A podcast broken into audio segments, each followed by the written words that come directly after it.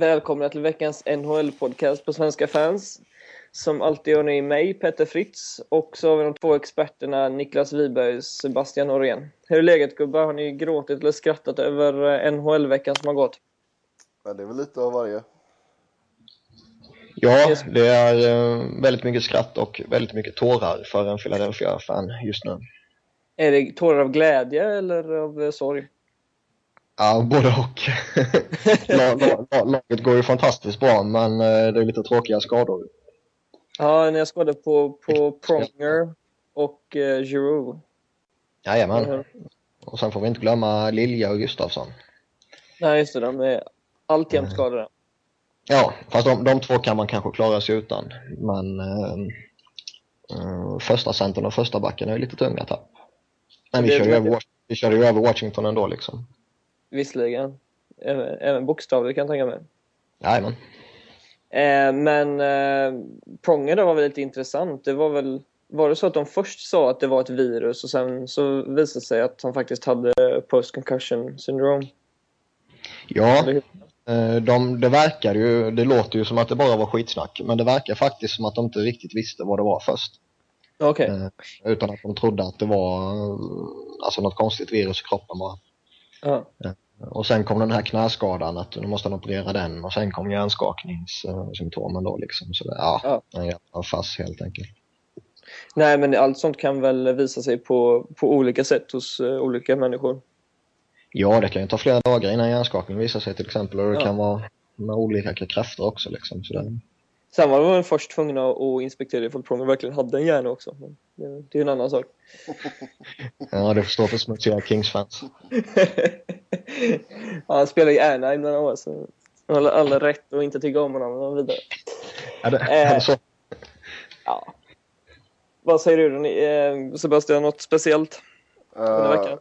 Ja, alltså fem raka torsk för uh, Kings är väl inte så jätteuppmuntrande men uh, de har egentligen uh, gjort sig av med Murray så.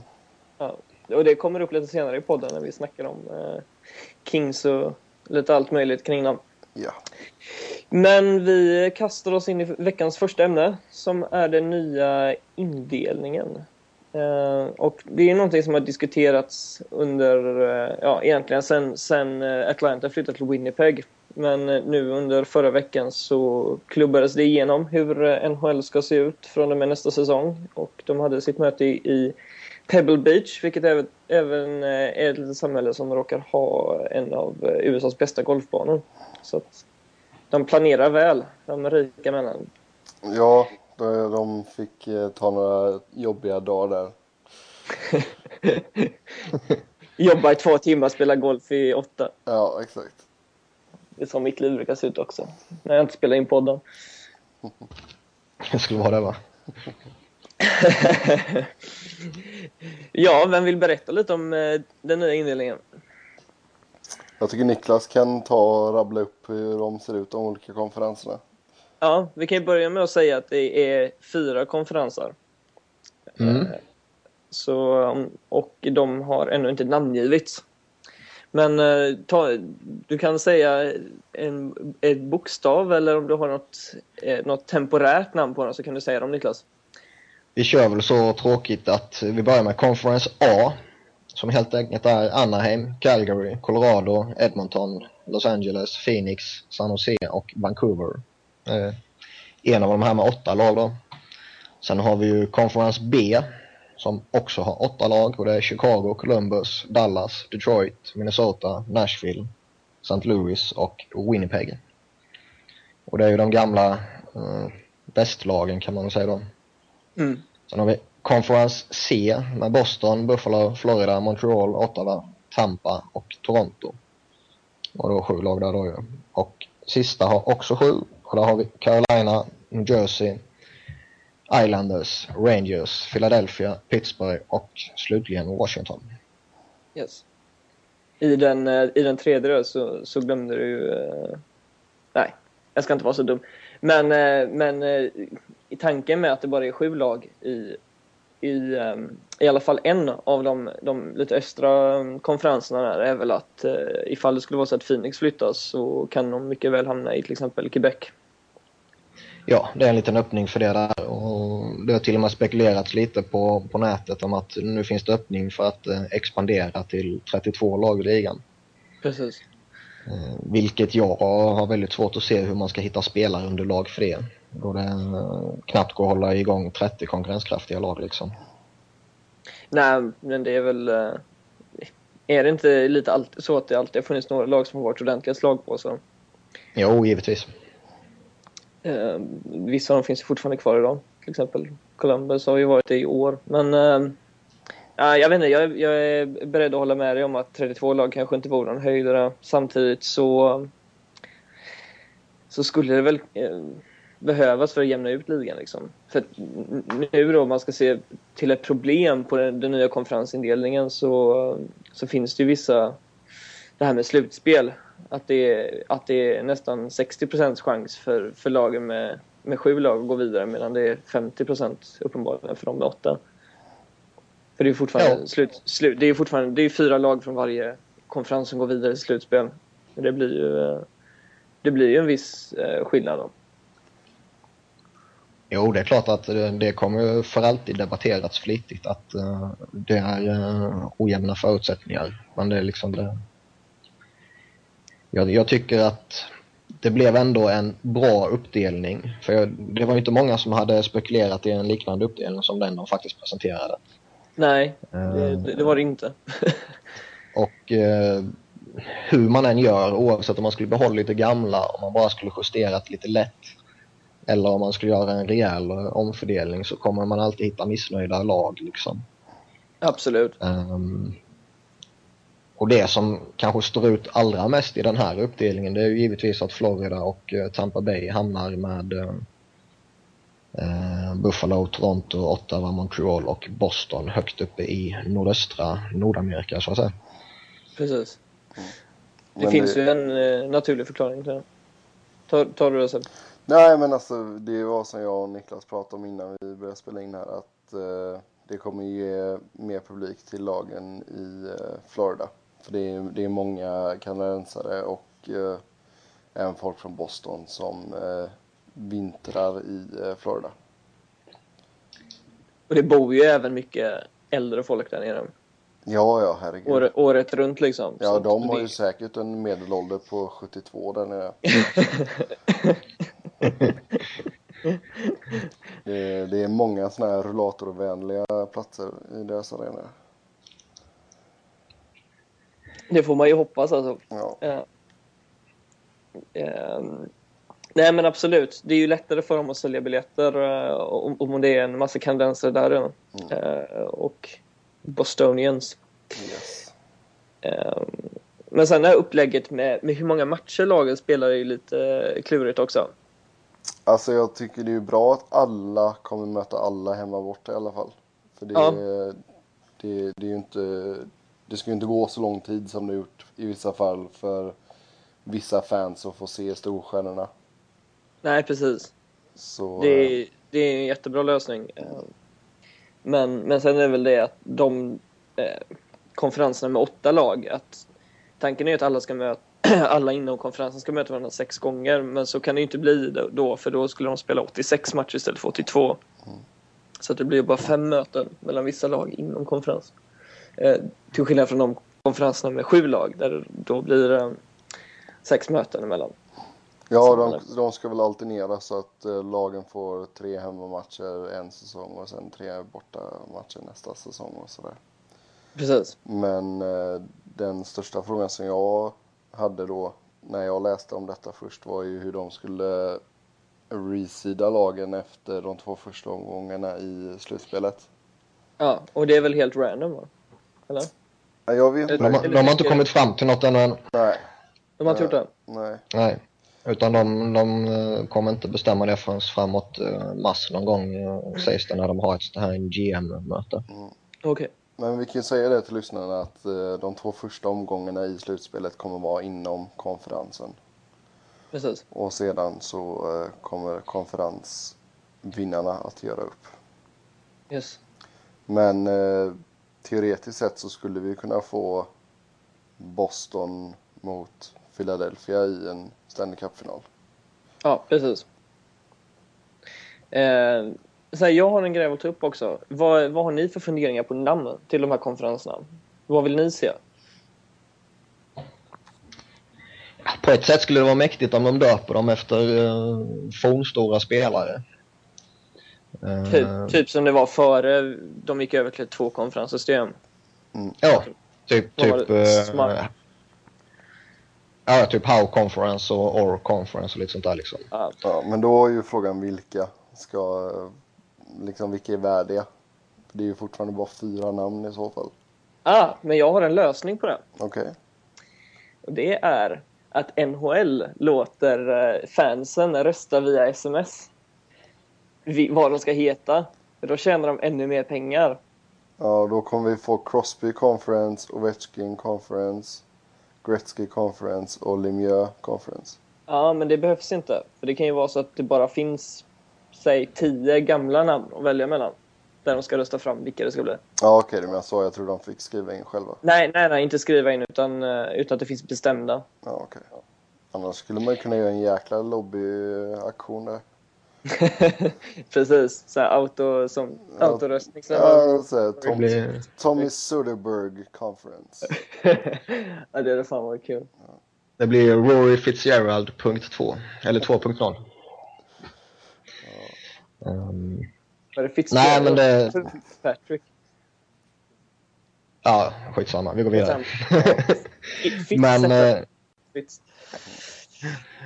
Men som sagt, det, det känns som att uh, det förslaget är väl högst rimligt uh, från NHL. De är ju snikna, pengasnikna. Mm. Absolut. Och, det känns lite ty typiskt nordamerikanskt också. Absolut. Nej, jag vet inte. Jag, jag, jag tror att jag skulle passa inom den organisationen. Jag är rätt sniken av mig. Så att, uh, det är bara ifall det är någon från NHL som lyssnar. Jag, jag finns tillgänglig. Men fråga, sen är ju alltså, Batman var ju med och tog bort namnen på de gamla.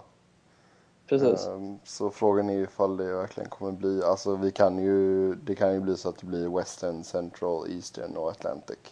Jo, men nu har han ju chans att tjäna pengar. Ja, det är precis sant. Och sen så kan han byta igen tio år senare. Sen har det, det har faktiskt eh, spekulerats lite på nätet också om att de kommer sälja ut namnen på konferenserna.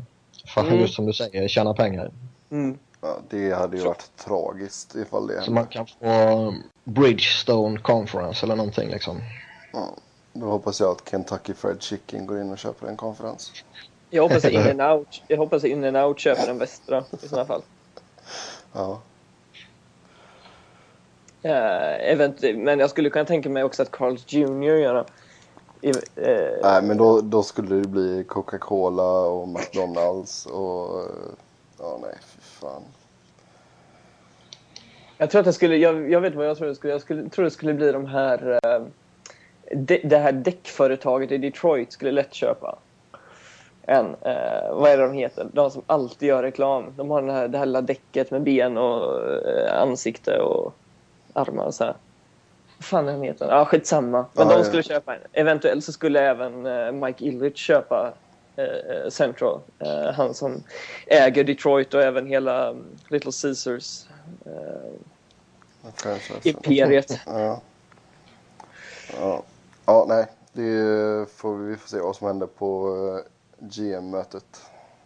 Mm. Eller så kan det kan ju också vara så att Bettman tycker att man ska döpa, döpa konferenserna efter de största eh, NHL commissioners genom tiderna, eller de som har varit presidenter över ligan, så att det blir den som heter Bettman Conference.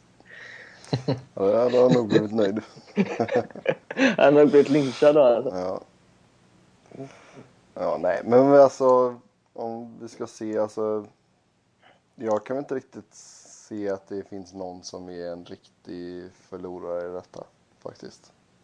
Nej, Detroit lär ju bli nöjda som har klagat över att de fått spela med, med så många westernlag och resa så mycket. Mm. Nu, nu, nu har de inte allt för långa resor eh, vad heter det? Att det tar för lång tid att resa. Men ett lag som jag skulle kunna se lite missnöjt är Winnipeg. För att de spelar inte så mycket mot de kanadensiska lagen.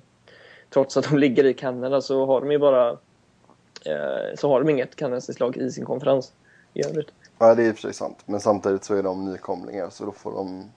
De, de får ta det? Ja, de får ta det. De sa, de sa ju faktiskt det lite själva att vi bryr oss inte så mycket, vi är bara nöjda med att ha ett NHL-lag igen. Jo, men... Sen om det bara säger så för att vara snälla och liksom ordentliga eller om de faktiskt tycker så, det, det Ja, men på sikt- sagt. På sikt så kanske de inte tycker det. Nej, det är ju helt rätt. Nej, men då får de väl ändra igen om några år. Precis. Ser man, ser man rent sportsligt så tycker man ju rimligtvis att både Carolina och New York Islanders kanske borde vara lite knäckta. Eh, ja, det blir nog inte bli många slutspel för dem. Men För eh, vad fan. Vi- Vilken, vilken annan division skulle Islanders tillhöra? Nej, jag säger ingenting om det. De, de var säkert eh, förberedda på det. Va? Eh, så, men just Carolina då, där, där känns det ändå som att Ja, nej, visst. det, det är ingen tuff konferens för dem alltså. Eller det är en tuff konferens med det. Tänk, om, tänk om de bara hade lottat istället. Det hade nog varit någonting. Ja. istället för utgå från det geografiskt. Då har det blivit goda resor. Nej, men alltså nu, nu får ju även eh, lagen på östkusten eh, resa runt lite mer. Mm. Eh, för de har ju haft det ganska bekvämt innan faktiskt. Det har ju varit lagen i, i Western Conference som har fått förlänga fram och tillbaka. Ja, Ja. Men hörni, ehm, jag tycker vi går vidare till nästa ämne faktiskt. Ja, Och det gör vi raskt. ehm, till eh, Minnesota och St. Paul och Minnesota Wild. Som eh, har ju gått eh, riktigt bra det senaste, eh, fram tills i natt. De hade sju raka vinster och förlorade mot eh, Winnipeg i natt. Mm. Eh, med, med 2-1. Mm. Eh, vad har ni för kommentarer om eh, Minnesota jag tycker det är ett väldigt imponerande lag. Alltså det jag tycker inte det är direkt någon som, som står ut så som till exempel eh, Kessel eller Giro har gjort. Utan Nej, inte offensivt i alla fall. Nej, absolut inte. Utan eh, de har fått lite av alla framåt. Eh, sedan så måste man ju berömma deras målvakter som har spelat riktigt, riktigt bra. Ja. De har lyckats hitta tre, eller hitta och hitta, de har tränat upp tre kan man Ja. säga. Ja, Som eh, alla har varit riktigt bra den här säsongen. Eh, och eh, nej, men, nej men det är ju det, det är ju den tajta defensiven må man säga. Eh, det, det som jag ser som mest imponerande hittills är att de har en oerhörd förmåga att vinna de tajta matcherna. De vinner ju inte med mycket utan de, de vinner genom att, att göra något mål med bara ungefär två, två mål mer eventuellt. Mm. Så vinner de en match för att de har så pass tajt spel liksom. Och bra målvakter. Eh, sen har det ju varit eh, lite skador på målvakten också. Eller, Niklas Bäckström är ju skadad så, så det har ju hämmat dem lite. Men, men Harding och, och, och rookien Matt Hackett har ju ändå varit bra. Så att... Eh, nej men det är, det, är, det är oerhört imponerande. Ja, mina ögon. Alltså det, det som är skönt med Minnesota det är ju att om man bortser från uh, Danny Heatley kanske framför allt då så har de ju ett lagbygge där det nästan uteslutande är uh, verkliga grovjobbare. Även stjärnorna så att säga Ja. krigar ju stenhårt. Alltså Mikko Koivu, Matt Callan, uh, Devin Zettergucci tycker jag gör det också. Um, så det, Men de, de, har de, har bra hitta, lagbygge, det har de. ja, de har lyckats hitta den här liksom gemenskapen och, och som jag har sagt tidigare fungera som en enhet. Mm. Istället för som individ, individuella spelare så, så vet de precis vad de ska göra. Ja, Nej. fast tittar man på deras backbesättning, alltså Mm. namnen där, Mm. så är det ju helt fantastiskt galet hur de bara kan ligga så högt upp som de gör i division, eller i tabellen. Jo, jo, men det är det jag Mm. menar. De fungerar som en enhet. Det, det handlar inte om det individuella utan kan, de, har, de har ju verkligen köpt spelsystemet kan man ju säga. Ja, det, det var det jag hintade på också. ja nej, men jag, det var det. ja, det var det jag hintade till också. Ja, jo, jo. Du hintar, jag förklarar. eller hur? Och jag, och jag såg dem live häromdagen.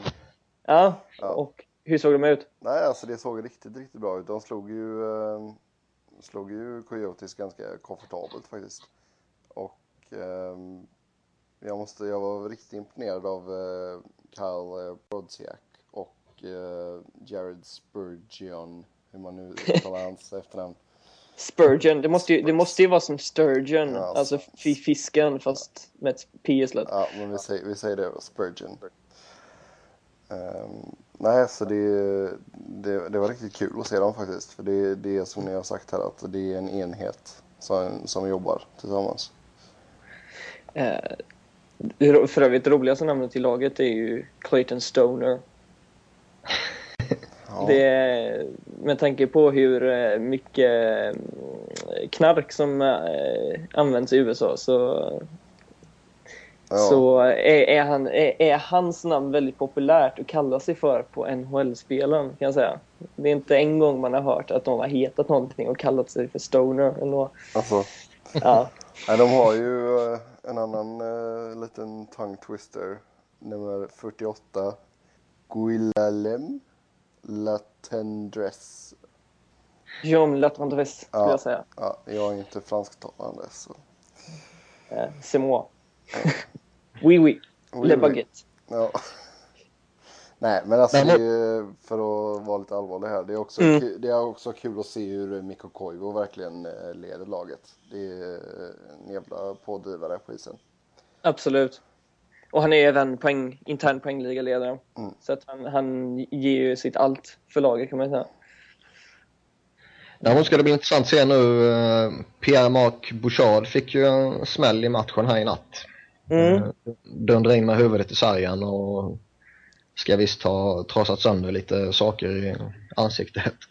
Men det som Okej. framförallt oroar är ju med tanke på hans hjärnskakningshistorik. Mm. Eh, där han, eh, alltså 09-10 missade alla matcher utom en. Och eh, förra säsongen bara spelade 59 matcher. Mm. Eh, är jag i Minnesota i dagsläget så skulle jag vara ruggigt, ruggigt, ruggigt orolig för Bouchard. Du skulle se dig om efter en ersättare redan nu kanske? Ja, alltså det... Nu ska man kanske avvakta någon dag eller två eller tre kanske. Men, Ja, men du, du kan ju fortfarande se dig om. Jag menar att Ja, man jo, jo, jo, jo. spekulera i vad man skulle kunna göra i, i, ifall det värsta händer. För eh, med, den historien han har haft och sen få en sån eh, maffismäll igen. Det, eh, det oroar, det gör det definitivt. Om Ja, man tänker på att de inte gör extremt mycket mål heller. Eh, så är ju han ännu mer viktig för dem. jo, nu har ju inte han gjort så många mål, men eh, det är fem den här säsongen. Eh, men, men sen, som du säger så är det inte någon som har gjort direkt många mål. Eh, men men eh, jag, jag vill bara ta upp där igen det, det du sa om backar. Bara liksom det här med att de gjorde sig av med sin, eller gjorde sig av med, de, de tradade bort Brent Burns i somras. Mm. Eh, och, och för att han inte ville vara kvar. Om inte minns. Han ville inte förlänga med laget. Och det var ju så på så, bland annat på så sätt. Det var ju två trader med San Jose. De fick in Heatley och Setoguchi och ja, de har väl varit okej. Men, men de hade nog hellre haft kvar Burns. Eller? Men det beror på, man vill ju inte ha kvar en spelare som inte vill vara kvar i laget. Nej, nej, nej, nej jag menar ponera att han hade velat stanna. Hade han velat stanna så hade de ju hellre... Hade han velat stanna så är ju, jag tycker Brent Burns är en av ligans mer underskattade försvarare. Eh, Jag gillar honom skarpt. Och eh, han har ju visat eh, under karriären i Minnesota hur viktig han var för dem. Eh, både poängproduktion men även i spelet på isen så att säga. Mm. Och givetvis är det en tung förlust. Sen tror jag nog att de behövde få in lite mer offensiv hjälp. Vilket de har fått nu i Hitley och va. Absolut. Uppenbarligen har det ju fungerat väl i defensiven hittills trots att de inte har en enda vettig back egentligen. Nej, precis. Eh, Eh, nej, men det är ju... Man får säga att det är stort tack vare målvakten också. Som sagt. Vi får inte glömma det också att de underlättar väldigt, väldigt mycket för sina målvakter för de blockerar mest skott i ligan. Mm. Eh, Ett av ligans mer tacklingsvilliga lag också. Starka i tekningscirkeln. Så det är liksom eh, det är ett väldigt kompetent lagbygge och eh, Däremot tror jag väl att man behöver spetsa till det där lagbygget lite om man ska ha förhoppning om att kunna gå hela vägen. Ja, ja men det, det är väl någonting, det, det är några månader kvar innan de måste bestämma sig. Men, men eh, förmodligen nu så är ju hela ledningen lyrisk och, och sitter och funderar på vem de skulle kunna ta in. Ja, eller så är de bara nöjda med att vara där de är. Det ska man ju aldrig vara. Men, eh, men vad säger Nej, ni? det sa jag inte. men vad, men vad säger ni? De, kommer de fortsätta så här resten av säsongen? Kommer de klara det och, och köra här ända in i mål? Kanske inte komma etta, men i alla fall att komma kanske bäst i, i, eh, i Northwest Conference. Ja, det tror jag nog att de skulle kunna klara av. Uh, nu beror det väl lite på hur uh, Vancouver har ju startat eh, upp lite här nu igen, men ehm, ja, det är, möjligheten finns absolut, men eh, jag tror inte att de kommer ta sig särskilt långt i ett slutspel. Vad, vad är det som saknas, skulle ni säga?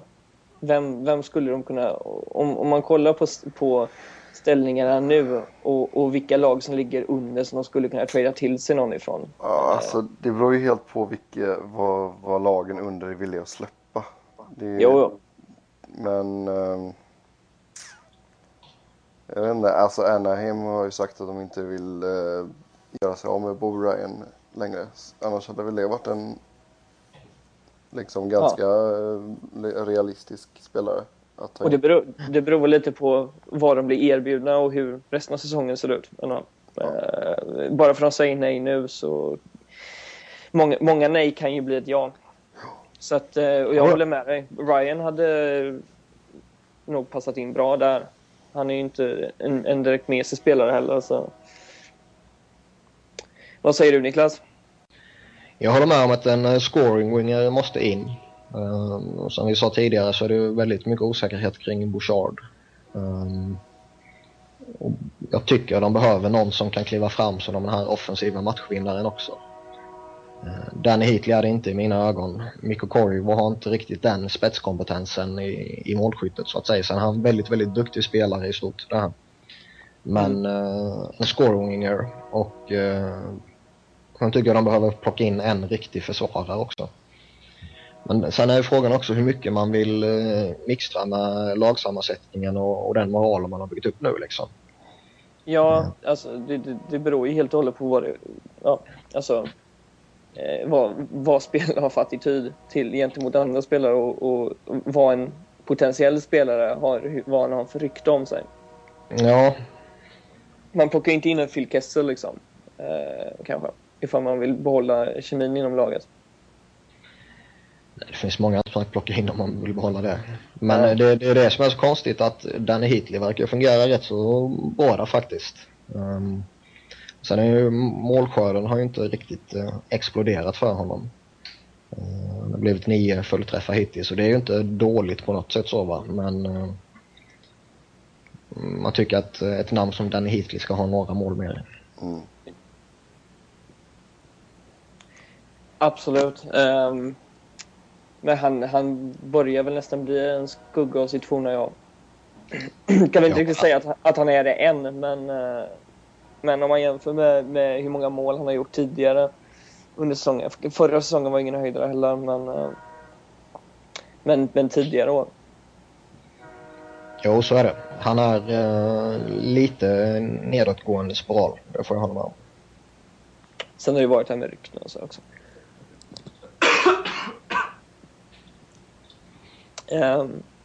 Men vi kan väl nästan gå vidare till nästa ämne. Japp. Och ehm, ja, Los Angeles Kings och deras eh, helvete. Ja, fem raka förluster. Ehm, Man är 3-6-1 i de senaste tio matcherna. Det, det, ja, det har varit riktigt eh, smärtsamt att se dem de senaste matcherna faktiskt.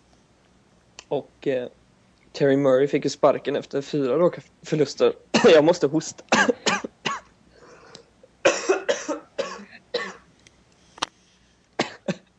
Det är bra, nu sköljer du ut eh, tågljudet här i bakgrunden i alla fall. Ja, Ja, klock, klockan är 1.11 här nu, då kommer tåget. Ja, det är precis på tid, var inte Ja. minst fel. Ja. Till skillnad från SJ. Eh, nej, men som sagt så har ju, eh, har ju Terry Murray fått sparken efter fyra matcher och John Stevens tog över som tillfällig tränare och det blev en 3-0 förlust i, i första matchen i Boston. Mm. Eh, om man tittar på Stevens så... Jag skulle inte säga att han gjorde så jättemycket heller.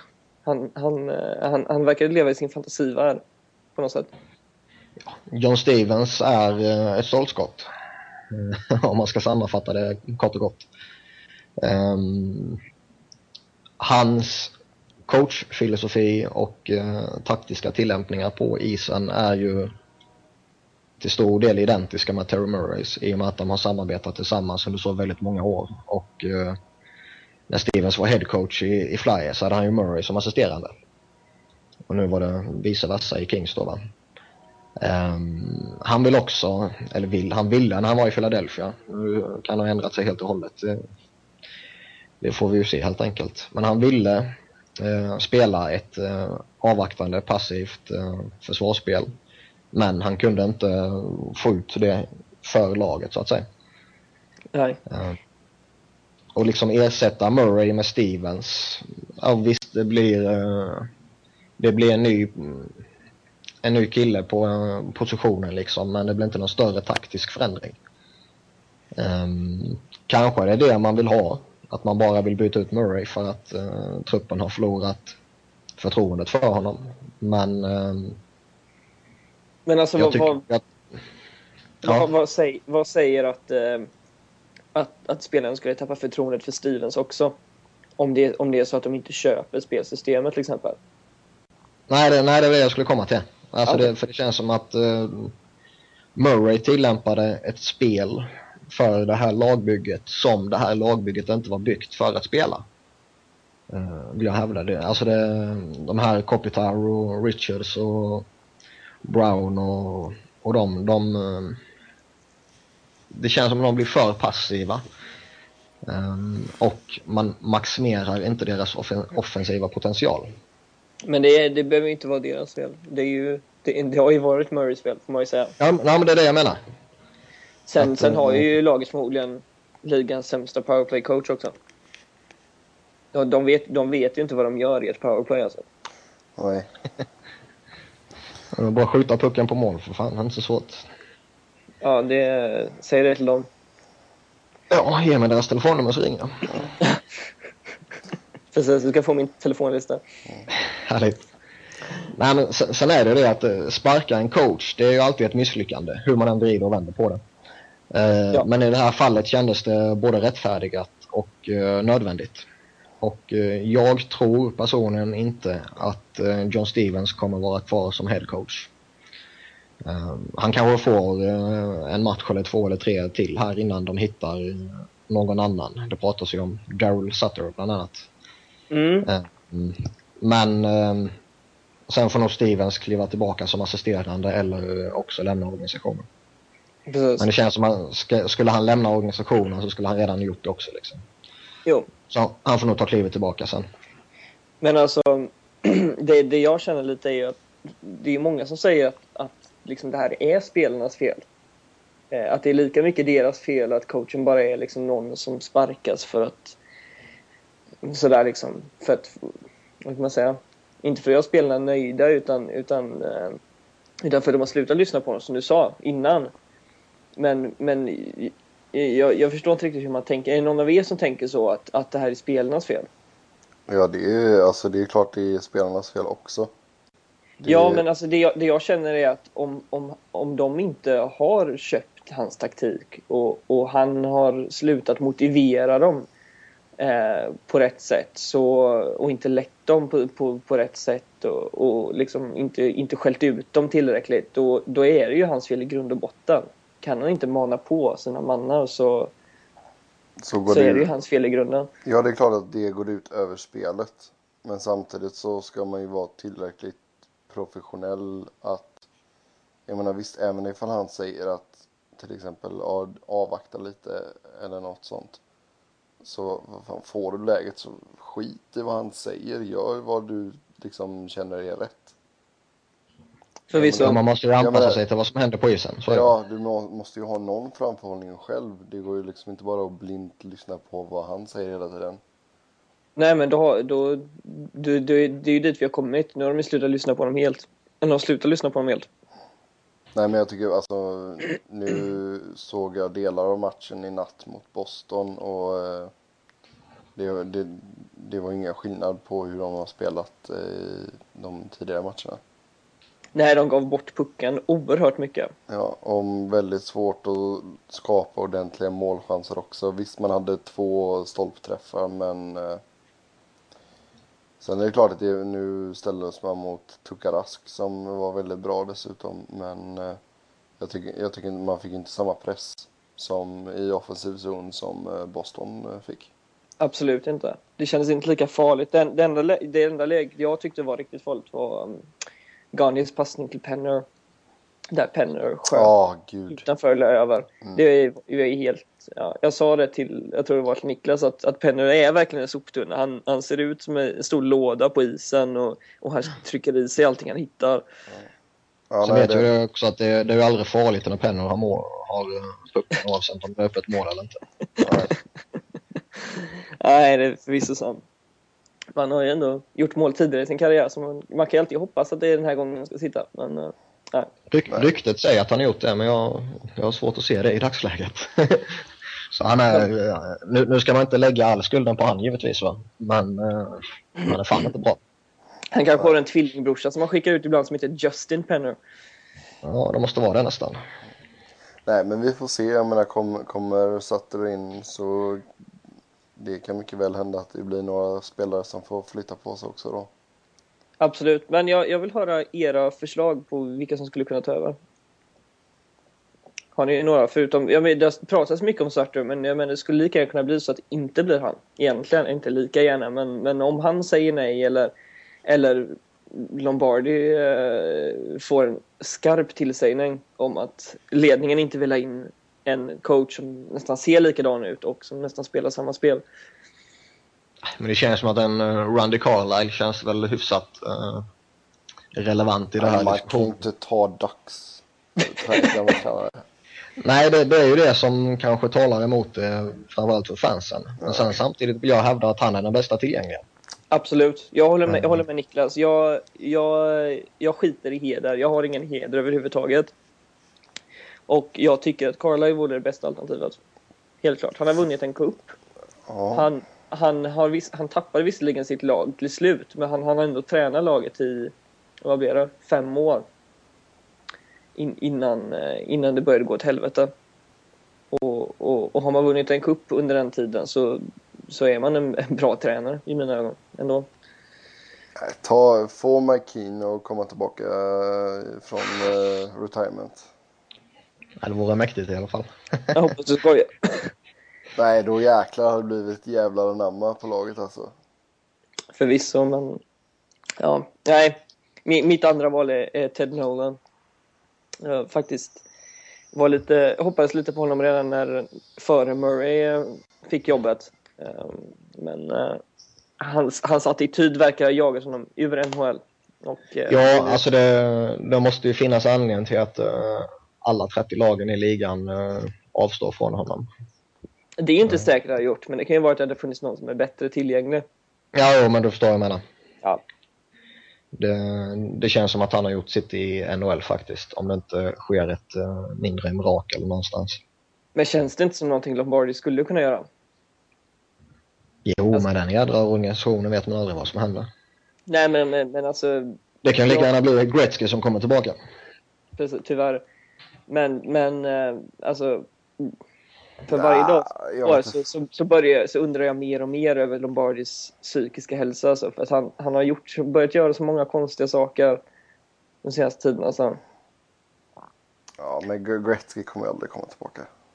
Nej, det tror, det tror inte jag heller. Men det, det känner ju spekuleras det så mycket i media och, och väldigt många verkar vara rätt säkra på att uh, Sutter kommer komma in. Nu har han till och med, sägs det ju till och med att han har fått eh, en förfrågan att ta över Kings. Ja, alltså till att börja med så, så frågade väl Kings om, om de fick lov att prata med Calgary eftersom han fortfarande får betalt från dem. Mm. Um, och sen, och, så att det har eskalerat ytterligare nu. Um, jag menar, jag sov i natt så... Kan, kan du utveckla Niklas? Var, var det här med att de, de alltså erbjudit honom ett kontrakt, eller så? Ja, jag, jag bara läste att uh, han har fått förfrågan. Ja, erbjudit kontrakt. Om det gått så långt, det vet jag inte. Ja, men, okay. men, men, men de fick tillåtelse en, från, från Calgary att prata med ja, och de har gjort det nu. Ja, ja, ja, han har fått en förfrågan att ta över. Men som sagt, om det bara gäller ett, ett telefonsamtal på två minuter. Är du sugen? Ja, jag är sugen. Eller om det är fullskaliga förhandlingar, det vet jag inte. Ja. Yt ytterligare en nackdel med, med Sartre som jag ser är att han har inte tränat på ett lag på, på fem år och han har inte gjort, han har liksom inte lyckats med, med sina lag heller nämnvärt. Nej, alltså det, det känns väl inte direkt som någon, eh, vad ska man säga, dundersuccé direkt. Um, och bortsett från när han tog Calgary till Stanley Cup-final där 03-04 så har han ju inte ja. åstadkommit mycket. Nej, det är visserligen imponerande att han tog dem till en final, men, ehm, men sett över vilka... Ja, han förfogade över samma lag tidigare och, och sådär också senare utan att upprepa liksom. Han var ju... Eh, Lombardi anställde honom, när var det? 97 va? Ja, de hade ju ett långt samarbete där i Sharks ju. Och det är det som är problemet med Lombardi. Han tar ju bara in sådana som han, han känner liksom, eller har någon koppling till någon annan. Mm. Det, är, det är mycket Flyers-spelare och det är Edmonton-spelare och mm. han har ju varit och dragit till Sharks-spelare också säkerligen, typ när Ryan Clough, uh, när det var så att han skulle fortsätta i, i Sharks och samma med Marlowe och, och sådär. Så, ja. Men, han, han, är, eh, han är lite för familjär av sig. Ja. Men vad, vad, tror ni om man kanske lyfter upp någon från uh, eh, AHL? Jag, jag gillar Mark Morris. Uh, jag tycker han har gjort uh, mycket med lite genom åren. det har alltid, de har alltid, så länge som Lombardi har varit general manager så har det varit väldigt unga spelare i organisationen. Och så även i, i Manchester. Så han har alltid haft ett väldigt ungt lag om man jämför med typ spelare, spelare som har lirat i AHL länge. Typ så Jason Krogh som, mm. som nu är i, i HV71 visserligen. Men, men, men om man jämför med sådana spelare så hade han i stort sett bara unga spelare att förfoga över. Han har tagit dem till slutspel och ja. Han, han känner ju laget. Alltså han skulle ha de, hälften av laget är unga spelare som han känner. Och nu då, skulle, om han skulle ta över och Ethan Moore blir uppkallad så känner han honom också. Så att, det, det, känns det, också som det, det kan både vara något väldigt positivt men också något väldigt negativt. Ja, man vet, ehm. man vet ju aldrig hur, hur, hur en AHL-tränare gör sig i NHL förrän man har testat. Nej, men alltså jag menar just det här att han har en eh, kontakt med alla spelare. Uh, eller alla, men alla unga om man säger så. Ja. Det kan ju te sig på väldigt uh, olika sätt och det är inte alltid till godo. Absolut inte, men jag tror att, eller jag skulle säga så att de, de lite äldre spelarna som man har i, i Kings, de är ändå så pass rutinerade och erfarna och, och bra, ska man säga. Så att, så att han inte har någon anledning att och liksom hålla på och peta dem och, och jävlas med dem. Förutom möjligtvis Trent Hunter och, och Dustin Penner då. Uh, men, men, um, ja, jag vet inte. Hunter såg inte så dålig ut i natt faktiskt. Han, kan, han, det, det, han, han, var, han kanske var den enda som kände av, eh, av effekten från en ny tränare. Kanske han bara han som överföljde sitt jobb. mycket möjligt, mycket möjligt. Nej men jag tror det har varit spännande att lyfta upp Mark uh, Morris från uh, Manchester Monarchs faktiskt. Mm. Han, är, han är trevlig också, kan jag upplysa. Ja, men det, det, är alltid en positiv grej. Mm.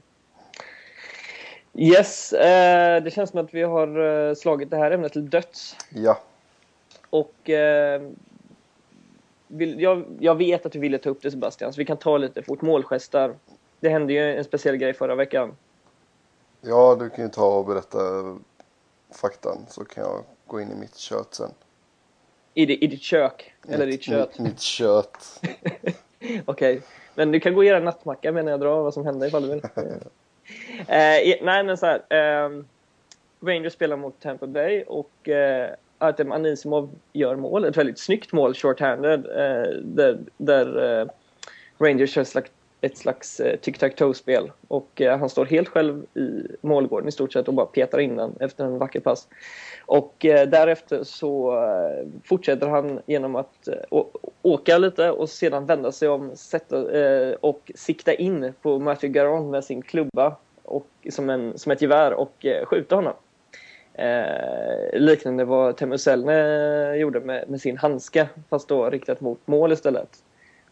Eh, och jag, jag, jag Tampa-spelarna blev ju fruktansvärt upprörda och det blev bråk här och där och det blev flera bråk. Så fort när någon väl hade satt sig i utvisningsbåset så kom någon annan och hoppade på Anisimov sådär. Men ja, jag, jag, är inte ens helt säker på att han verkligen siktar på Garon men, i, i Tampa-målet.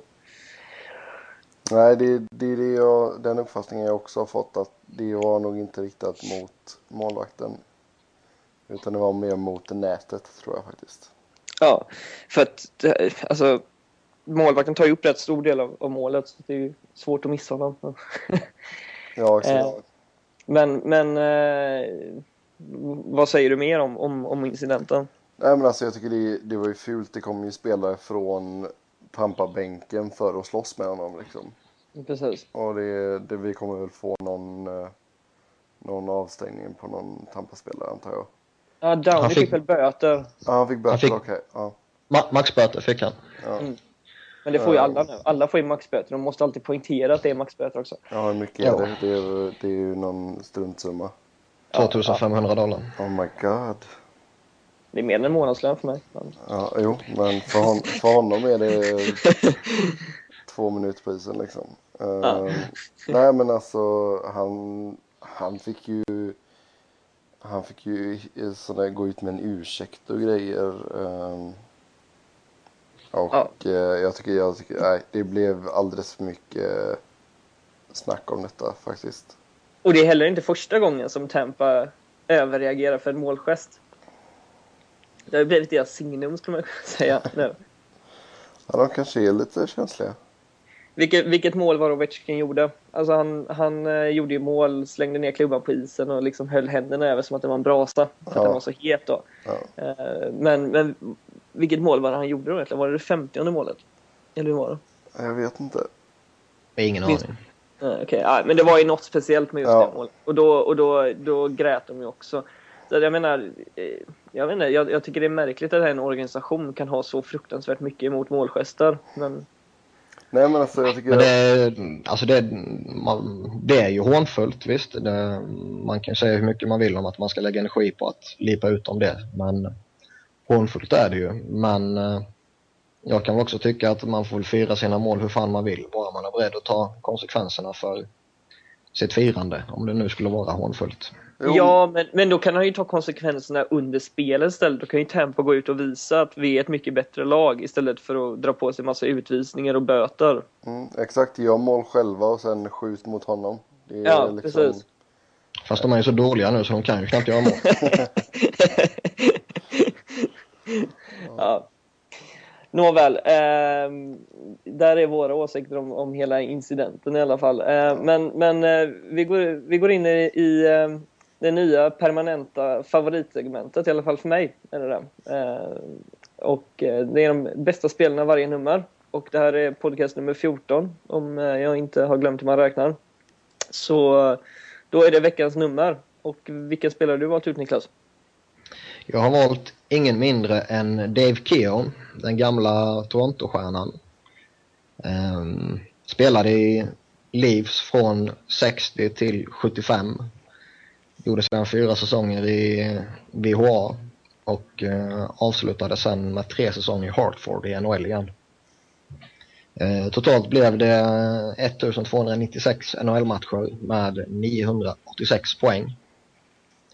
Eh, fördelat på 396 mål och 590 assist. Slutspelet blev det 68 poäng på 92 slutspelsmatcher då. Uh, han kom in första säsongen vann han Calder Trophy och under de två nästkommande säsongerna två raka Lady Bing Memorial Trophy.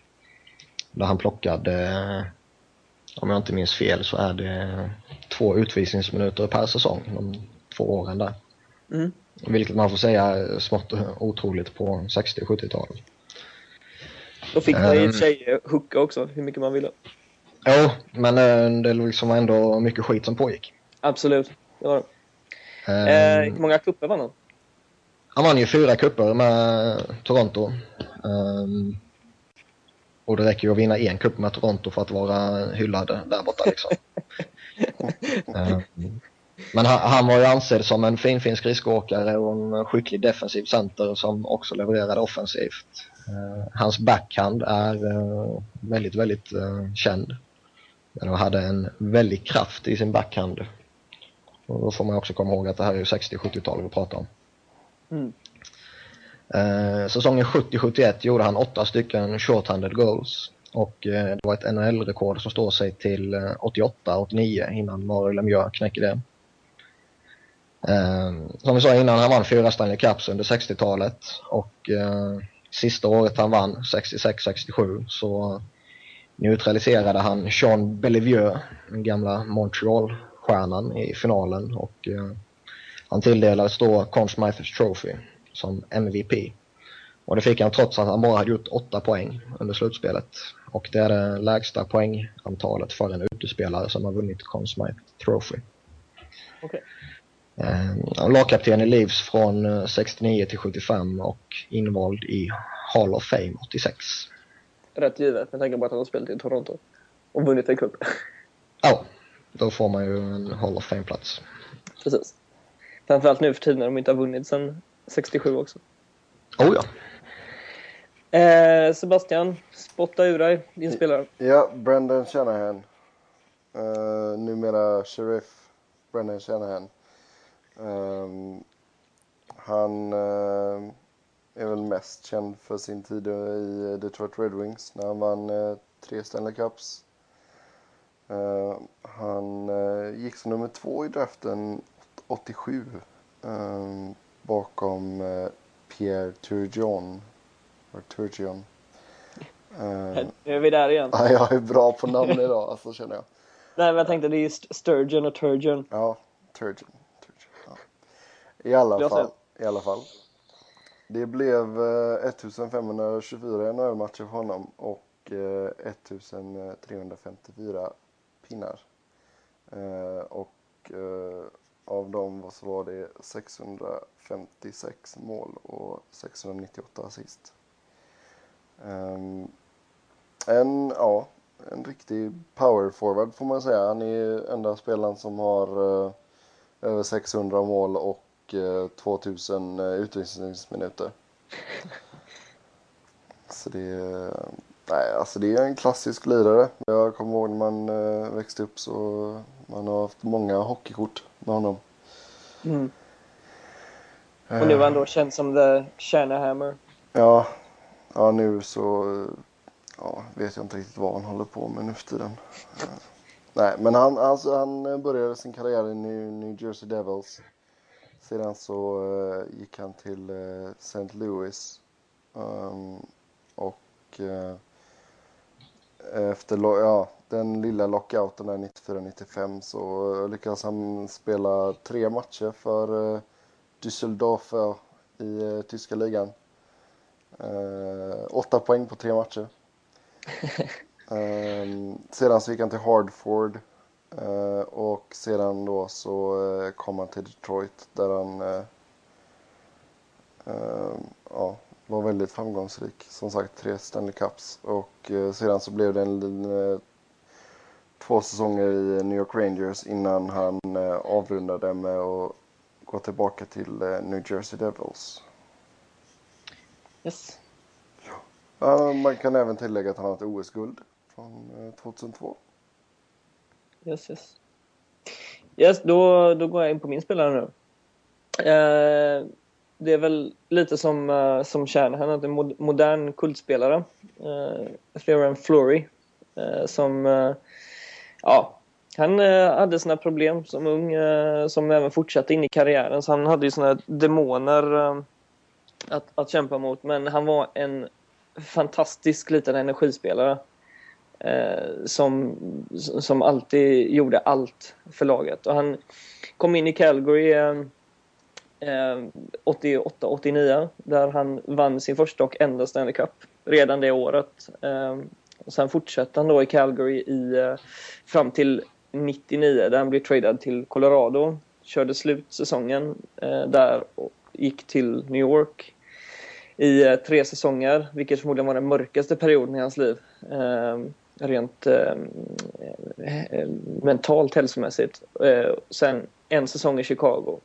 Den eh, för att sedan eh, spela eh, avrunda karriären eh, professionellt i eh, Belfast Giants i den brittiska ligan.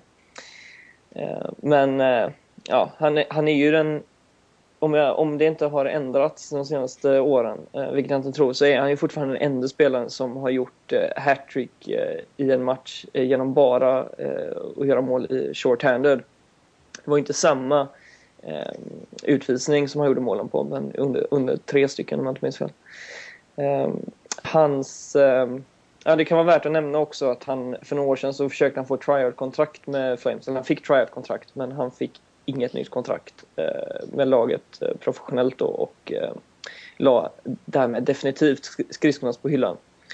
Och det, han gjorde då 455 mål och 633 assist på 1084 matcher, vilket är lite drygt eh, en poäng per match. Så det är, det är en av mina favoritspelare genom tiderna, trots att han aldrig har spelat för något av, lagen, något, något av mina favoritlag. Sådär. Eh, men han, eh, han visade oerhört mycket hjärta och hade ju även en Calgary Flames-statuering eh, sägs det som han var tvungen att ta bort när de tradade honom till Colorado. eh, vilket är lite tragiskt. Nej, men han är tyvärr en, en van tragisk människa men som har vänt blad och gått vidare och är numera eh, nykter och eh, drogfri, sägs det. Sägs det, ja. Sägs Nej, men jag, han hade väl, han, om jag inte minns fel, så hade han hittat en, en kvinna som även hon var före detta missbrukare och eh, de har uh, lyckats uh, hålla ihop.